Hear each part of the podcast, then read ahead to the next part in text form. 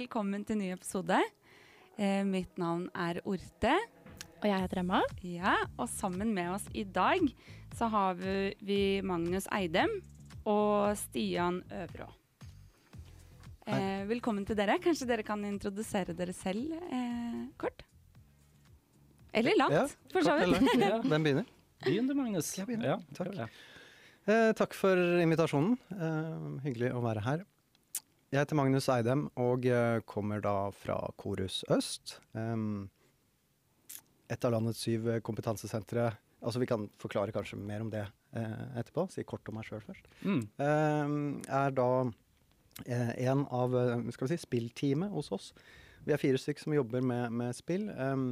Jeg er sosionom i bunn.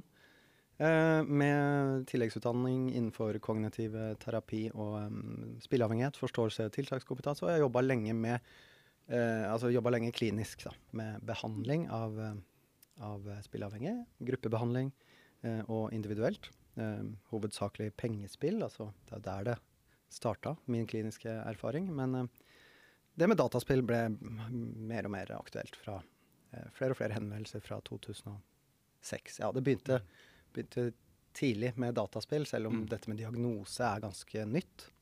Uh, ja. Så um, Og ja, jobber nå som spesialrådgiver da på Korus Øst. Så var det meg. Ja, jeg er så heldig å være kollegaen til Magnus. Og jeg er både spillforsker, og så er jeg gamerforelder, og så er jeg hobbygamer selv òg. Og det er jo Magnus også. Ja, så skulle vi liksom røpe alt med en gang? Ja, ja nei, man må legge ut noen teasere. sånn at uh, min jobb er jo mye av det samme som Magnus nevner der, da. Men min bakgrunn er mer fra forskning, så jeg er antropolog. Og har akkurat startet også et forskningsprosjekt, et postdoktorprosjekt, som handler om e-sportutøvere. Som jeg syns er ekstremt spennende. Eh, fordi jeg har alltid gamet selv, men det er jo liksom i løpet av veldig kort tid så har jo dette med e-sport også blitt enormt stort, da. Eh, Så selv om jeg på en måte er fortrolig og kjent med gaming, så syns jeg det er så eksotisk og kult tema.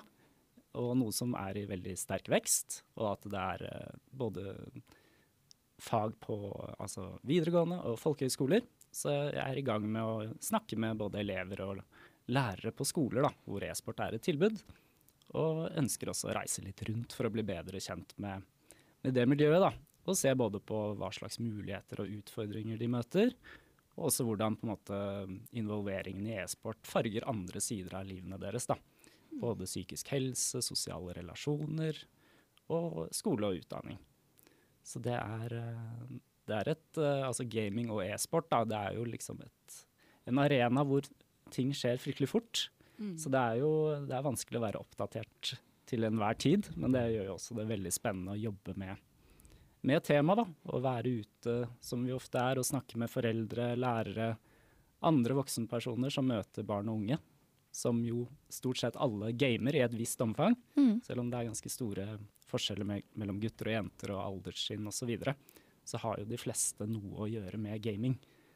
Så det er eh, Vi lærer jo også veldig mye ved å være ute da, og snakke med barn selv og foreldre om på en måte hva som opptar dem. da. Ja, for Så- er dere mye ute i felt? I, I felt, altså. Mm, mm. Ja, altså det er jo det vi liker best, egentlig. Eh, og alt Ja. fra mm. Nei, jeg skal ikke avbryte. ja, det Nei, er, ja, det er, det er noen sånn standardoppdrag, da. Typ at vi er på foreldremøter. Eh, en annen modell er at vi møter elevene først på dagen, og at vi så snakker med lærerne, og så Ja. foreldrene på kvelden. Det er veldig gøy, for da har vi på en måte ferskvarestoff fra hva elevene har fortalt oss. Da prøver vi å få en litt sånn fin dialog og høre om deres inntrykk, opplevelser og bruk av spill, og så spiller vi det liksom for eh, både lærerne og foreldrene, da, som gjør at det er litt enklere og sikkert for foreldrene å relatere seg til når de vet at dette er noe barna deres sa for åtte timer siden, i stedet for å bare vise slides på slides med forskning viser at 80% sånn og sånn. Så Ja. det, det er veldig, veldig gøy. Men ute i feltet, du spør om det, og da er det jo greit å bare ha nevnt det med Altså, som, altså det er jo litt bunnlinja òg i vår eh, rolle og vår funksjon. Eh, da må vi jo nesten nevne dette med eh, handlingsplan, altså regjeringens eh, handlingsplan mot eh, spilleproblemer, eh, hvor dette her er ganske klart og tydelig definert i, i vårt oppdrag. ikke sant? Det er jo at for det første færrest mulig mennesker skal eh, ha problemer med spill i Norge. Både pengespill og dataspill. Um, tidlig identifisering og, og god behandling skal være der for den som, som trenger hjelp. Og så er det det tredje punktet, uh, tredje hovedmålet i handlingsplanen, hvor, hvor, vi kanskje er mest sentrale, og det er jo kunnskap om spill mm. og spillproblemer skal økes og deles. Mm. Um, så det Stian snakker om, er jo typiske oppdrag, altså, hvor mm. vi òg har vært mye ute i skoler og møter både barn og foreldre. Kjempespennende. Og den dialogen, ikke sant, som vi mm. Eller den refleksjonen barna gjør eh, sammen med, med, oss eller noen eksterne, den, vi mistenker jo at det er en litt annen dialog eh, enn det er hjemme rundt middagsbordet. Da. Ikke sant? Det er utrolig engasjement eh, blant barna når vi er til stede. og hånda i været hele skoletimen, egentlig, og, og mm. alle ville slippe til med, med sine eh, det er, ja, det er, et brennende engasjement altså, knytta til, til, gaming. Mm. Men de er, det må jeg også si, og det sa jeg senest i går kveld på et foreldre, foreldremøte, at barn eh, er, har veldig mye innsikt og gode refleksjoner knytta til både spill og skjermliv. Eh, altså sosiale medier og alt dette her også. Altså med, med refleksjoner så mener jeg de er flinke til å snakke om hva som er bra, og hva som er dårlig. Mm. Eh, og veldig mm. bevisste på en del negative sider eh, ved det, og eventuelle konsekvenser eh, ved ja, ulike spilleatferder eller atferd på sosiale medier osv. Mm. Ja. Det tror jeg er veldig godt for foreldre å høre. Eh, at, de er, at de forstår det også selv. Ja. Eh, vi har jo en fast spalte eh, for å bli litt bedre kjent eh, med gjestene. Så spørsmålet er hvordan hadde dere det på skolen? Da får du gå ja, først. Skal jeg begynne nå? Ja. Nei, altså jeg tenker egentlig tilbake på skoletiden min som veldig fin og idyllisk. Det er liksom øh, Føler det er liksom hovedoppsummeringen. Og så har det vært litt sånn opp og ned. Jeg trivdes spesielt godt på barneskolen hvor det var mye lek og, lek og moro. En veldig fin klasse. Og så er det ungdomstiden da, for mange som kanskje er litt mer sånn turbulent, og at det er litt mer sånn sosialt farvann. og. At man må på en måte navigere litt da, for å havne i de klikkene man ville. og sånt. Så jeg husker jeg kanskje var litt mer sånn eh, stressa og litt sånn på den tiden. Mm. Men så var det veldig fint på videregående igjen, hvor man kunne eh, velge litt egne fag, og ting hadde roet seg litt ned. da. Man hadde funnet litt sånn hvilepulsen sosialt sett. Eh, så egentlig jevnt over veldig bra. Og så husker jeg også at jeg likte noen fag betraktelig mye bedre enn andre. Og at det hadde veldig mye å si for både innsats og hva jeg fikk til, da. Mm. Så jeg plukket vel opp det ganske tidlig at jeg må, når jeg skal utdanne meg videre, så må jeg ta utgangspunkt i noe som jeg virkelig har lyst til, og liksom ikke ut ifra en prognose om at vi, om 15 år så trenger vi denne yrkesgruppen, og så mm. hopper jeg på det. Så det har på en måte vært en, en leveregel eh, som jeg har prøvd å følge, da. Men mm. eh, Og favorittfag?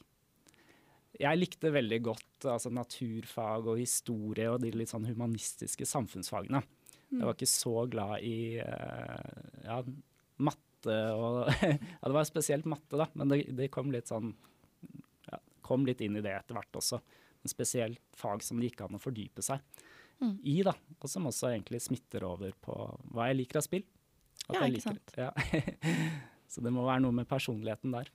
Mm. Men ellers vært veldig veldig heldig med lærere og sånt, syns jeg. Som både liksom har vært dyktige faglig, men også liksom sett hver enkelt elev. da, Og skapt et godt læringsmiljø, rett og slett. Så mm. det er uh, Vært veldig heldig sånn sett, vil jeg si. Mm. Og du, Magnus? Uh, ja, det kjenner meg igjen i mye av det Stian sier. Jeg eh, har uh, vært gode uh, Det er gode minner å, å, tenke på helt tilbake til barneskolen. Uh, men altså, jeg husker jo at vi flytta litt når jeg var liten, og at jeg måtte bytte skole to ganger da, rundt fjerde, femte, sjette klasse, fjerde, femte klasse, rundt der. Og at jeg husker godt at det var ja, en periode med Eh, ja, finne en posisjon og eh, opplevde et sted vi bare bodde i et par år, da, eh, og liksom ikke finne helt min plass eller posisjon, og kanskje bli erta litt. og ikke finne helt Ja, ikke finne helt plassen min, og så flytte jeg da til et nytt sted igjen, hvor jeg vokste opp og, og eh, har trivdes kjempegodt, men, men, kanskje når jeg husker tilbake på det og har tenkt tilbake på det i voksen alder og har uh, ser litt tilbake på det, at jeg kanskje var redd, eller i hvert fall ikke skulle havne i den rollen igjen, og at jeg heller brukte det Heller ja, kunne være en som mobba andre uh, f.eks. Uh, ja, en periode for å ja, ikke i hvert fall havne i noen uh, situasjon som jeg var i. Ja. Så da, jeg husker jeg har tenkt mye på det i voksen alder. Akkurat den der biten der med den sosiale tilhørigheten og, og rolle og sånn, syns jeg er kjempespennende å mm. tenke på nå. nå. Uh, og det altså Når Stian og jeg òg er ute og snakker om spill altså Vi kan vel også si at vi snakker om gaming med hjertet også. For det, mm. Stian, du røpte det i stad. Vi, vi, har spilt ja.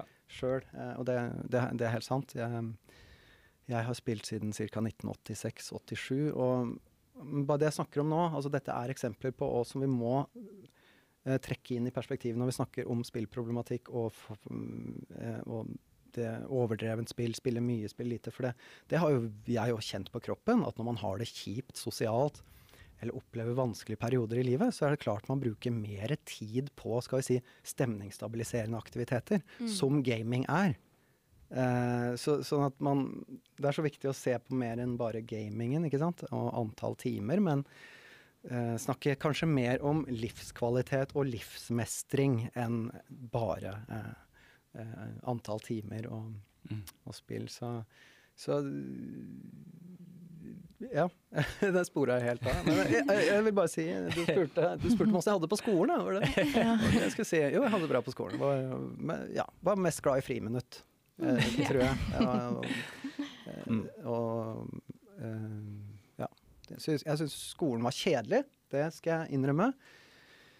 Ikke noe vanskelig med å si det. Eh, kjempekjedelig, eh, sånn mye i hvert fall, av faga. Og at hadde skolen vært der da som den er nå. Altså Når jeg ser på hvordan barn i dag får mulighet til å lære, da tenker jeg på spill uh, spesielt. ikke sant? Og det er ganske stor forskjell på å sitte og lese i kristendom livssynboka om um, Jan Hus eller, eller, hva det er for noe, mens du i dag kan lære helt vanvittig mye om samme person bare ved å spille Kingdom Come Deliverance, uh, f.eks. ja. uh, som, mm. som, læring Altså, det er helt uh, da, da ville jeg lært mm. vanvittig mye, tenker jeg i hvert fall nå, mm. uh, hvis det hadde vært en læringsplattform når jeg gikk på skolen. Mm. Du nevner det med liksom livsmestring og det sosiale. Får dere noe innblikk i disse tingene når dere møter barn ute? Får dere noe innblikk i hvordan de har det? Altså, det er ting som må kartlegges ganske grundig da, eh, og helhetlig. Eh, så vi møter jo ikke de utover en skoletime. Så vi blir jo ikke noe bedre kjent. Eh, eh. Men det kommer jo ofte litt fram at som Magnus sier, så får vi jo ikke, blir ikke så godt kjent med dem. Men det kan jo ofte komme fram at gamingen er jo en del av en litt større familiedynamikk òg, da. Mm. Sånn at de kan jo f.eks. si at uh, det, det, er mye krangler, og det går på tidsbruk og spill jeg spiller, og de, de, er, de stiller ikke spørsmål, da, sånn som de gjør om andre fritidsaktiviteter, om, om spill. Så det kommer jo kanskje frem at det er noen verdikonflikter, generasjonskløfter, sånne ting, da. Sånn at det, er, det blir veldig problematisk å si at det er spillingen i seg selv som fører til problemene i, i heimen, men at det er, det er, veldig klassisk, da. Altså foreldre som kan ta kontakt. Ofte har det vært mødre, men ikke utelukkende. Men som kan, kan si at eh, jeg tror sønnen min har et spilleproblem, han bruker fryktelig mye tid på, på spilling. Og så er det ikke nødvendigvis at de når vi begynner å spørre, da, det, har det gått utover skoleprestasjonene? Nei, det har jo egentlig ikke det. Han har alltid vært veldig flink. Og hva med, har han er han i vennskap? Ja, det er han. Han har liksom sin kjerne med folk, og de er eh, Ja, det er stabilt og fint. Så da, ja, etter hvert så bare Ja, men du sa du ikke at det var et problem? Mm. Ja, han, mm. han, spiller veldig mye. Og da blir det jo litt å begynne å bearbeide foreldrenes holdninger, få de til å reflektere litt, da. Mm. Eh, for mange blir kanskje, jeg tror, stemmer ikke det Magnus, at mange blir litt kanskje overrasket når vi kommer ut, da. Og så kommer jo fra Korus Øst, ikke sant? et kompetansesenter innen rus, skal snakke om dataspilling. En Mm. del får litt sånn hakaslepp av og til, at de, de føler kanskje i stedet for at nå kommer det noen som skal på en måte bekrefte inntrykket vårt av at spilling i seg selv kan være et problem. Mm. Ja. Og så er jo egentlig budskapet vårt mer å få foreldrene til å senke skuldrene sine, Mm. Og også vise at det er masse positivt, Mm. og utruste de kanskje med noen råd og ressurser da, for å få ting til å gli litt bedre i hverdagen med, med skjermbruk. Da. Og det involverer jo ofte å få foreldrene til å se på sin egen skjermbruk òg. Mm. At man ikke bare skal snakke om eh, å regulere ned barnas spilling, men se på familiens skjermbruk under ett. da. Jeg husker jeg var litt sånn smånervøs, i hvert fall spent første gang jeg tenkte at nå skal jeg ta inn noen slides og ta inn noe stoff om det. da. For altså, barna gjør jo den samme vurderingen av foreldrenes skjermbruk som foreldrene gjør av barnas. da. Ikke sant? Så barna mener jo også at foreldrene er for mye på skjerm, og at de jobber for mye og er for lite fysisk aktive. Så det er jo veldig stor grad av overlapp, og all grunn til å møtes ved middagsbordet og, og lage noen grunnregler, kjøreregler rundt familiens bruk av skjerm. da. Mm. Og da tror jeg man kommer veldig mye lenger, det tilsier jo all erfaring òg, enn hvis man bare ønsker å få Ole ti år til å liksom trappe ned på spillingen sin, mens du selv sitter og sjekker jobbmail rundt middagsbordet, du tar med deg jobb-PC-en på fjellet, og du er kanskje ikke så til stede selv heller, da. Mm. Så ved å på en måte gå i dialog, da, eh, Mm. og vise litt mer nysgjerrighet, og koble seg litt mer på, eh, på barnas interesse for gaming, så tror jeg mange kommer fryktelig mye lenger, da. Mm. Ja, for hva er forskjell på spillavhengighet og lidenskap? Uh, spillavhengighet og lidenskap. Ja, altså hvordan, hvordan Ja. kan foreldre forstå hva Altså, når er man spillavhengig, og Ja. når er det bare en hobby? Det er jo kjempegodt spørsmål, og det er jo det, er jo det så mange òg uh, spør seg om, av de som står rundt. Og ser antall timer, kanskje, eh, bare, som Stian nå eh, forklarer. Men ikke hva som ligger bak, ikke motivasjonen. Eh, ikke at det er jeg skal spille en stor turnering i League of Legends i Sverige neste uke, så jeg må spille disse fire-fem timene i, i noen dager nå for å holde et visst nivå. ikke sant? Jeg skal jo, Hvis ikke blir- får jeg ikke være med på laget engang. Mm. Eh, så så eh, hva er forskjellen på spilleavhengighet og lidenskap? Det er, eh, det er jo egentlig et, et enkelt eh, svar eh, sånn sett. Det er jo at spilleavhengighet er en, eh, en lidelse hvor summen av de negative konsekvensene er alt, altoppslukende og påvirker hele livet negativt. Og det handler jo om tap av kontroll. ikke sant? Du klarer ikke å styre spilleatferden din sjøl. selv, selv om du har bestemt deg for å slutte å spille, så, så klarer du ikke det. Og, og spillingen er kanskje mer tvangspreget enn lystbetont for den enkelte. Um, og, og dette med funksjonsfall står jo selvfølgelig sentralt. ikke sant? At eh, spillingen blir jo stående i veien for, for livet. Eh, og, og plikter og alt man skal. Da. Uh, og noe som er viktig å snakke om, er varigheten. Ikke sant? At dette her må ses over tid. Opp mot tolv måneder skal jo en sånn tilstand være. Altså at vi er varig ute av stand til å kontrollere en gitt atferd, eller at den er tilbakevendende. Mm. Eh, for det er veldig lett Det har vært lett å skal vi si, misbruke begrepet avhengighet. Det er vel litt vårt Mm. inntrykk, er det ikke det? Altså at vi sier Vi kaller ting for en avhengighet veldig lett. Eh, det er kjempespennende felt, altså i hvert fall hvis vi ser på hvordan begrepet avhengighet òg brukes som noe positivt i markedsføring eh, av en god bok, f.eks. Den boka her er supervanedannende, du klarer ikke å Mm. eh, legge den fra deg. Eh, liksom, da er det jo kjempebra. Sier vi det samme om spill, så klinger ikke det like bra. Det spillet her er superavhengighetsskapende. Kjøp det nå. Mm. Mm. Eh, det, det, nei, den klinger ikke like bra. Eh, Så det er òg interessant hvordan vi bruker eh, begrepet avhengighet. Og det er viktig å minne om at avhengighet er en lidelse og veldig alvorlig tilstand eh, som må kartlegges og, og mm, vurderes grundig. Eh, det er ikke noe vi bare skal slenge ut i lufta om en atferd, liksom, bare fordi det brukes mye tid. Mm. Eh, og ting kan være problematisk og, og overdrevent også, selvfølgelig, selv om det ikke er en avhengighet. Så, eh, men så kan det gå over. Mm. Det er det mange eksempler på. Mm. Man, har, man spiller veldig mye f.eks. i to-tre måneder, har fullstendig oppheng. Eh, klarer ikke å slutte. Også, men så skjer det noe annet i livet. Man får Mm. seg en ny moped eller en ny kjæreste eller et eller annet som gjør at gaming ikke har den posisjonen lenger, og så flater spillingen ut. Så, så ja. Mm. Eh, lidenskap, avhengighet. eh, det kan se likt ut fra utsiden, men det er to veldig forskjellige spilleatferder. Ja, for det kan se likt ut fra utsiden, men hva skal man da se etter? Og hvor nøye skal man se etter noe? Ja, Stian var vel litt inne på det i stad. og Så er det ikke et viktig stikkord her som er dialog. Mm. Mm. Altså å se eh, Ja, det er ikke så lett å se, kanskje, nei. eh, men å prate sammen. Og få tak i hva er driveren her, hva er triggeren, hva er, hva er motivasjonen? Den må, det må vi vite for å også kunne definere om det her er eh, et problem eller ikke. Altså. Mm. Og Også- dere, Nei, eh, og dere nevnte at man burde ha en dialog, og at Mm. når dere er ute i skolen, så vil barna veldig gjerne fortelle om alt dette. Mm. Så har dere noen triks for hvordan man skal snakke med barna?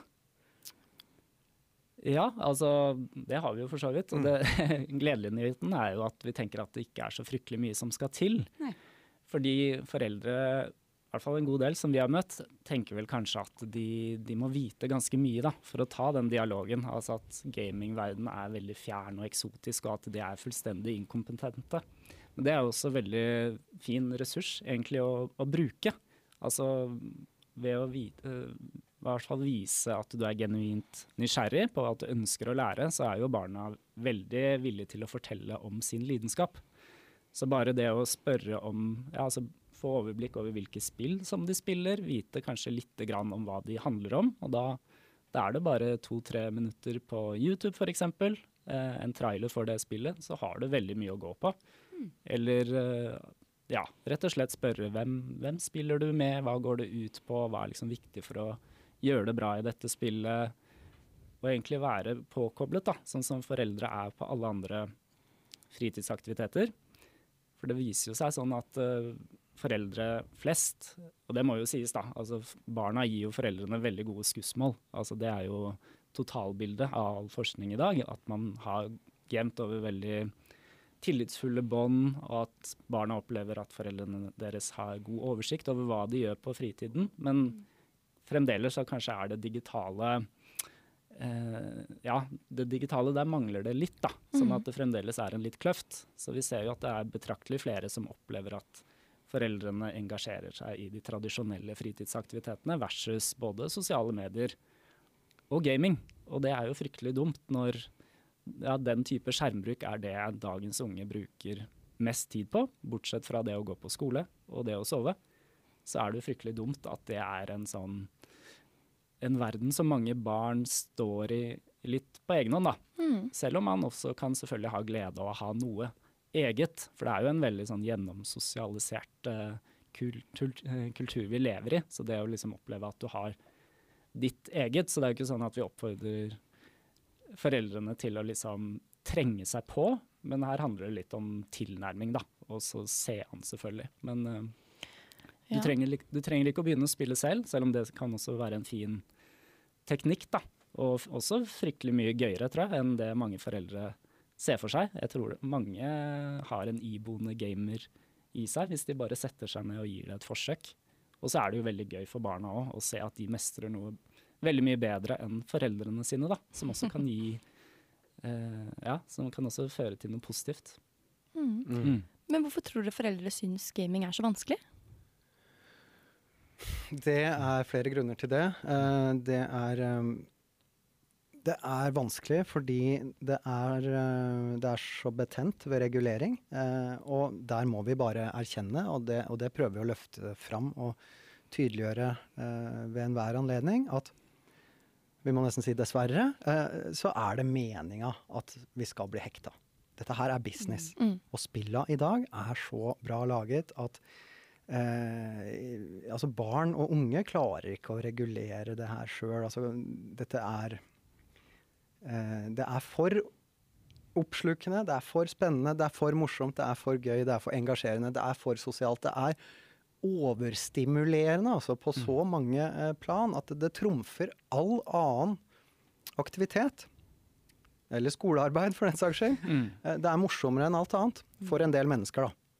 Eh, og, eh, og, og da blir det åpenbart også eh, litt storm eller, eller temperatur når eh, foreldre skal også regulere og si nok er nok, da.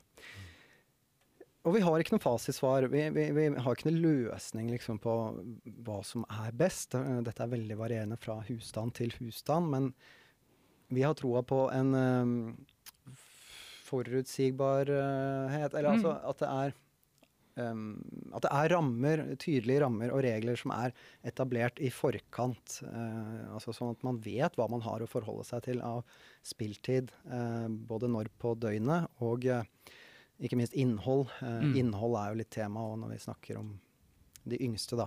Ikke sant? Dette med 18-årsspill og eh, GTA og de her titlene som ofte kommer fram i den sammenhengen. Eh, det er en grunn til at det er 18-årsgrense osv. osv. Um, Mm. men men eh, ja, det er, det er mange grunner til at dette her er vanskelig for foreldre, men det er i hvert fall noe de veldig, veldig, veldig mange foreldre står i. Og som Stian sa, de har et godt forhold til barna sine. Forteller det. Altså, vi har det jo så harmonisk, vi kan snakke om alt, og vi har det kjempefint sammen. Men akkurat når det kommer til det her med gamingen, eller mobilen, eller hva det skal være, skjermen, regulere den, så blir det konflikter. Mm. Uh, og, og smelling i dører og dårlig stemning. Da. Mm. Ja, når du sier sette noen rammer, har du noen eksempler? Bare sånn at uh, man, man får noe kjøtt på beina? Ja. Mm. Ja, det er jo Ja. nevnt uh, Ja, nå kan du få fortsette. Jeg har snakka i ett sett. Ja, ikke sant, men kanskje legge vekk klokka litt, da. Ikke tenke at liksom det skal være det styrende prinsippet. Ja. Selv om ikke det trenger å være irrelevant, da. Men man kan jo Altså, hvis man setter seg ned og tenker igjen da på familiens eh, skjermbruk under ett, eh, og hvis vi da fokuserer mest på barnet i denne omgang, så kan det jo være at spilltiden kan være altså etter du kommer hjem fra skolen. Mange er slitne. Det er ikke fristende å sette seg nett, rett ned med lekser. Mm. Eh, kanskje det kan være rom for å spille rett etter skoletid. Og så i, sted, altså, i stedet for å tenke på spillengde, så kan jo i hvert fall tidspunktet man spiller, det er jo litt mer relevant. Sånn at man kan jo si at den siste timen før leggetid så skal vi ikke spille. Og det har jo også noe med altså skjermenes påvirkning eh, på ja, hjernebølger blir det vel, og liksom søvnmønster, som kan rett og slett føre til at det blir vanskeligere å, å sovne for noen. da. Mm. Så i hvert fall hvis noen unge sliter med å sove, så kan det være et sted å begynne. Mm. Og så tenker jeg det kan være rom for å spille litt mer i helgene. Eh, sånn hjemme hos meg så har vi jo ikke noen sånn veldig faste regler på tidspunkt. Det går jo litt mer å se på ikke klokka, men se liksom på barnet, ikke sant. Og hvordan funker det på andre arenaer som man ønsker at det skal være velfungerende, da, og hvor det er plikter og gjøremål. Så så lenge ting Ja, så lenge de er i andre fritidsaktiviteter, står i fine relasjoner til andre, og er friske og opplagt og åpenbart har det bra, så er det ikke noe grunn til å, å trappe ned på spillingen. Mm. Og så kan det være lurt, altså dette med aldersgrenser, som Magnus var inne på, eh, at man har et litt reflektert forhold til det, da. Eh, for det er jo fryktelig mange unge som spiller spill med høyere an, eh, anbefalt aldersgrense. Så der er jo på en måte vår anbefaling å bruke de som veiledende. Og de er jo anbefalte, de er jo ikke absolutte, da. Mm. Men hvis man styrer etter det prinsippet, da, og så kan man jo av og til selvfølgelig velge å la barnet ditt spille et spill med noe høyere aldersgrense, men da bør du jo på en måte i hvert fall ha gjort litt research på egen hånd. Bare sett en trailer på YouTube, lest en anmeldelse på barnevakten.no, sånn at du i hvert fall tar et informert valg, da. Mm. For det kan jo være noen spill med eh, ja, sterke inntrykk ikke sant? som skal, kan skape uro og, og angst, eller ja, at det blir problemer med å, å sove eller sånt. Det gjelder vel både spill og sosiale medier, Ja. Absolutt. når vi ser hva de eksponeres for. Mm. TikTok og sånne ting også. Mm. Skjermtid generelt. Ja, men Mm. bare skyte inn. eh, Du, du spør hvorfor er det så vanskelig for foreldre. Da må vi vel òg minne om at det for noen, færre og færre nå kanskje, men for noen er jo det her fortsatt noe nytt. Mm. Eh, og det er jo de som ikke har vokst opp med det sjøl, aldri hatt noe forhold til gaming sjøl. Og, og det skal vi ikke forvente at alle har, men vi har vel sett en endring eller en dreining de siste fem åra på at det er mer anerkjennelse eh, i retning gaming nå enn en før. Eh, men, men altså, for noen er det noe nytt, og alt som er nytt, er farlig og vanskelig og, eh, og betent kanskje i utgangspunktet, fordi eh, man har altså, satt på spissen et syn som avisene skrev for ja, det er ti år siden nå. ikke sant? De skrev jo om gaming er farligere enn narkotika. World of Warcrack og Mm. spillenes heroin og ikke sant? Sånn der linka det til dødelig stoff, ikke sant? Som er mye av jobben vår på den tida, og var jo å nyansere dette her og, og dempe. Eh, men, men, eh, men igjen, eh, der har vi òg brukt en del sånne historiske paralleller, og må jo minne om at det kom en selvhjelpsbok for rundt 40 år siden som skulle hjelpe folk til å slutte å se på TV. Mm. Uh, 'Help your kids to kick your TV habit', eller jeg husker ikke helt tittelen, men, men da var det TV som var farlig. Uh, VHS-spilleren ble lansert i 1980 og ble jo advart mot videospilleren. Mm. Sammenlignet med, sammen, ble sammenligna med hasjis Mm. av, uh, en, eh, av en politiker i 1980. Um, ikke sant? Så det her er jo Alt som er nytt, er farlig, og sånn Det har jo gått igjen siden ja, vet ikke, Så langt tilbake du vil. boktrykkerkunsten, eller? Ikke sant? Ja. Ja. og det, ja, bokstaver og det trykte ord i det hele tatt, Ja. da. Ikke sant? Så det er noe Så det er et mønster Ja. med at liksom, nye teknologier og medier blir møtt med skepsis. Da. Det er jo Mm. det man kaller moralsk panikk. Og Mm. liksom en frykt i deler av befolkningen for at eh, det sosiale limet i samfunnet skal gå i oppløsning da, når noe nytt på en måte tar av. Mm. Og der er det jo som Magnus sier, der har jo på en måte medienes søkelys spesielt vært på det sensasjonelle, og da mest på det problematiske Mm. og fokusert på den lille andelen som har hatt problemer da, et behandlingskrevende forhold til spillingen. Mens det kanskje i løpet av de siste årene har blitt litt mer balansert. da. Men nå er det kanskje litt mer sånn det sensasjonelle i andre retningen. Altså sånn at spillene skal redde barn fra kjedsomhet i skolen. Mm. Så det er jo få, jeg forstår jo at det- avisene det er, de, må jo, de må ha overskrifter som selger og fenger og appellerer. Mm. Eh, men det er jo, sannheten er kanskje et sted imellom, da. Altså, Mm. og vi, vi ser jo hvordan disse mediesakene ofte farger eh, eh, voksenpersoners holdninger og syn på spillaktiviteten. da. Og den NRK-saken var det vel, om han gameren Mats eh, som døde, eh, Mm. og hvor foreldrene var veldig bekymret, men hvor det i etterkant viste seg at han hadde et stort sosialt nettverk som tok kontakt med foreldrene hans etter eh, ja, han Mats døde da, og dukket opp i begravelsen og osv. Så, videre. så viste det seg at han hadde hatt eh, ja, han hadde jo verdifulle sosiale relasjoner med jevnaldrende og eldre verden over, egentlig. Mm. Eh, og det var jo en sak som nesten over natta endret mange folks eh, perspektiv på gaming, da. Mm. Mm. Så det, det sier jo litt om hvordan ja, vinklingen på fenomenet også har veldig mye å si, da. Mm. Og spesielt som Magnus sier, når du ikke har førstehåndskjennskap til spill selv, så blir det jo fort sånn at mediene blir premissleverandør, da.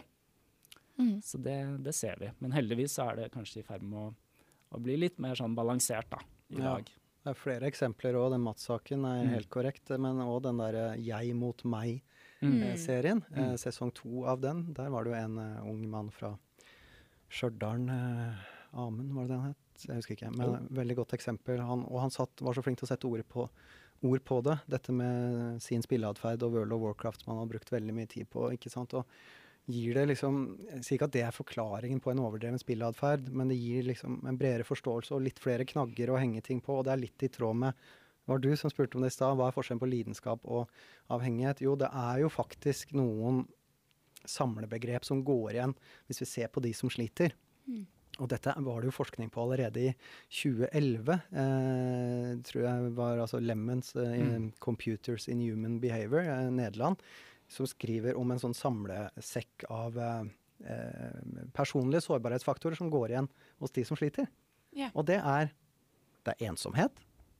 Eh, ja, nå husker jeg ikke alle, men det er Mm. sosial sårbarhet. Um, det er um, at livet er man, man har det ikke bra, da. Mm. Angst, Mm. depresjon, altså følelsesmessig symptomtrykk.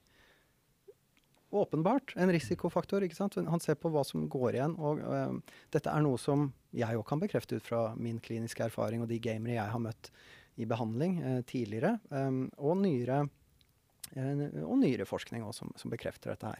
Mm. Uh, NTNU eh, 2018 var det vel spesielt Mm. som vektla det her med sosialt, de sosialt klønete gutta har større sjanse for å utvikle en overdreven eh, en spilleatferd. Ja.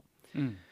Så nå, ja, bare litt i tråd, for å hekte på det du spurte om Mm. i stad, Uh, at det er, det er noen sånne trekk som går igjen, bakenforliggende personlige sårbarhetsfaktorer, som er, er til stede hos, Mm. hos de som sliter.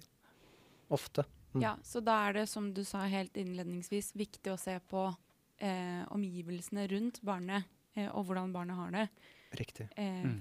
Fremfor den tiden, Ja, og hvor mye man skal bruke. Mm. for hvis det hadde vært sånn at uh, alle skulle bli så avhengige som avisene skrev på den tida, uh, ikke sant? Da hadde, da hadde det, de fleste vært spilleavhengige, da, hvis vi skal tolke det sånn. Mm. Uh, med tanke på at ni av ti har et forhold til spill, hvis vi ser på tallene fra Medietilsynet som, på barn og medier, som går igjen Mm. på hver undersøkelse. De fleste spiller jo. Mm. Men det er jo de aller, aller færreste som har disse store problemene. Det er viktig å, å minne om, da. Mm. Mm. Eh, ikke liksom stigmatisere en, en hel uh, gruppe uh, gamere fordi noen få har problemer. Mm. Mm. Nei. Jeg kan jo forstå godt at foreldre kan bli bekymret, for som du sier, så Altså, det kan jo gå galt, og det er noen ting ved spill som er nesten farlig, eller i hvert fall ikke spesielt bra, da. Mm. Men kunnskap er jo makt. Mm. Og det er jo altså det å sette seg inn i barnas spillvaner og internettvaner, sosiale medier, eh, vil jo sannsynligvis dempe en del av bekymringene, da. Ja. Så det er klart det er viktig. Absolutt. Mm. Vi har jo vært eh, så vidt inne på det. Jeg føler at vi er i ferd med å begynne å snakke om det. Eh, da du nevnte Matt-saken. Eh, hva er de positive aspektene ved gaming?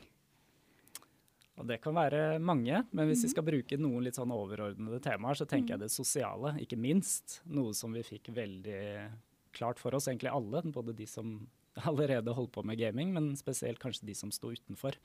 At man anerkjente gaming mer som en sosial aktivitet, da. Som kan tilfredsstille ja, sosiale behov som stort sett alle av oss har, på egentlig en like god måte som på andre arenaer, ikke sant. Og så er det kanskje mange foreldre tenker kanskje på at spillverden eller det digitale er en litt sånn avskilt sfære fra den fysiske, virkelige verden. Men det viser jo også forskning, og ja, hvis man snakker med unge, så snakker man jo om det digitale som en forlengelse, eller liksom Ja, det er ikke et klart skille mellom den fysiske verden og det, og det digitale. Så det er jo Spesielt for gutter da, så svarer jo de ofte at de, de hadde følt seg eh, veldig utelukket hvis ikke de kunne spilt de samme spillene som vennene deres. Ja. Og at de ofte spiller de samme eh, Altså at de spiller sammen med de de er sammen med utenfor spillverden også, da. Ikke sant? Så det blir jo bare enda en arena for å både pleie vennskap, men også inngå eh, vennskap, da. Mm. Og så er det en Det er jo noen av oss som på en måte er litt innadvendte, og som på en måte ikke klarer helt å slå ut i full blomst i skolegården. ikke sant? Det er noen koder for hvordan lykkes sosialt, som kanskje ja, Magnus nevnte de litt sånn sosialt klønete. Som kanskje kan bikke begge veier, da. For det er jo også at spillene kan være en sosial simulator, hvor du liksom kan teste ut andre sider ved deg selv da, som du ikke tør eller klarer i, i skolegården eller på fotballtreningen, men som du liksom her er det ufarlig, her er det bare å prøve og feile. Det, er, det kan på en måte Det kan ikke gå galt, da, på en måte. Du kan rett og slett gjøre litt sånn identitetsutprøvning. Eh, og det tror jeg er veldig viktig for mange unge, da. At spillene rett og slett er et sted hvor de finner byggeklosser til sin identitet. Mm. Eh, så det er kanskje noe som, jeg, som noe jeg er spesielt opptatt av, da. Som kanskje ikke er eh, alle tenker over. Og så er det jo det at det er en arena for å føle at du er kompetent. da. At du lykkes med noe, at du føler mestring, og at du betyr noen for andre, og at de på en måte ser ditt bidrag inn i et, et fellesskap. Og Mm. spillene er jo ekstremt gode til å gi på en måte tilpasset undervisning, da.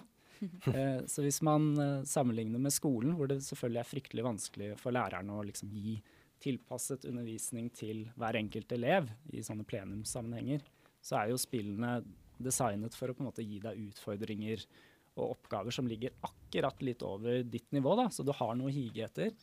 Men det er ikke for vanskelig, og det er ikke for lett. Eh, sånn at du er hele tiden i en sånn opplevelse, da, ikke sant? hvor tid og rom opphører, og det eneste som betyr noe, er å liksom mestre det spillet byr på av utfordringer. da.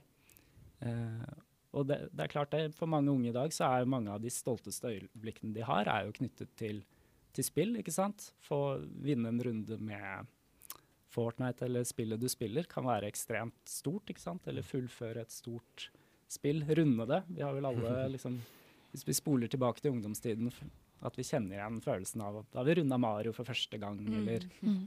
Det er mange stolte øyeblikk, selv om de er digitale, så er de likevel veldig virkelige, da. Og det var jo sosialt da også, mm. altså lenge før internett. Og det ble jo nevnt av eh, det var vel han Andreas i, i den episoden eh, for noen episoder, episoder, siden her, at det er jo en det er jo en arena man møtes på, uh, uavhengig om man spiller uh, online uh, mm. i dag. ikke sant? Det blir, en, det blir jo en felles interesse. Og mm. det kan jo være utgangspunktet for vennskap Mm. Uavhengig om man spiller. Mm. Så, så, det er ikke sånn man må spille sammen online heller. For å, jeg liker mye bedre å spille offline og, og store, heller sånne singleplayer-spill mm. uh, enn en, Så det er, det er, jo litt preferanser òg, da. Mm. Men, men, at det sosiale går jo også utover ikke bare å spille sammen, men at man har felles interesser. Sitter sammen faktisk fysisk og, og kan spille sammen, osv. osv. Um, ja. Men ja, det er mye mer enn bare det sosiale selvfølgelig som er positivt mm. med gaming. Mm. Det er fordypning, det er læring, det er gøy, det er spennende, det er mestring, som Stian har snakka om. Det er, mm. det er, jo så vanvittig mye. Ikke minst er det en forlengelse av virkeligheten. Eh, hvis du er dedikert, interessert i det være seg NFL eller Formel 1 eller hva det er for noe, så er jo spill en veldig god arena å være på for å både lære mer eh, og være en del av, eh, av, det, av din interesse. da. Mm. Uh, og lar deg leve livet som en Formel 1-fører. ikke sant? Mm. Spillene i dag er jo helt vanvittige uh, i mm. layout og, og uh, presentasjon og, og realisme og, mm. og, alt dette her. Så, så det, det, er jo vanvittig mye å hente. snakker av egen erfaring også. Mm.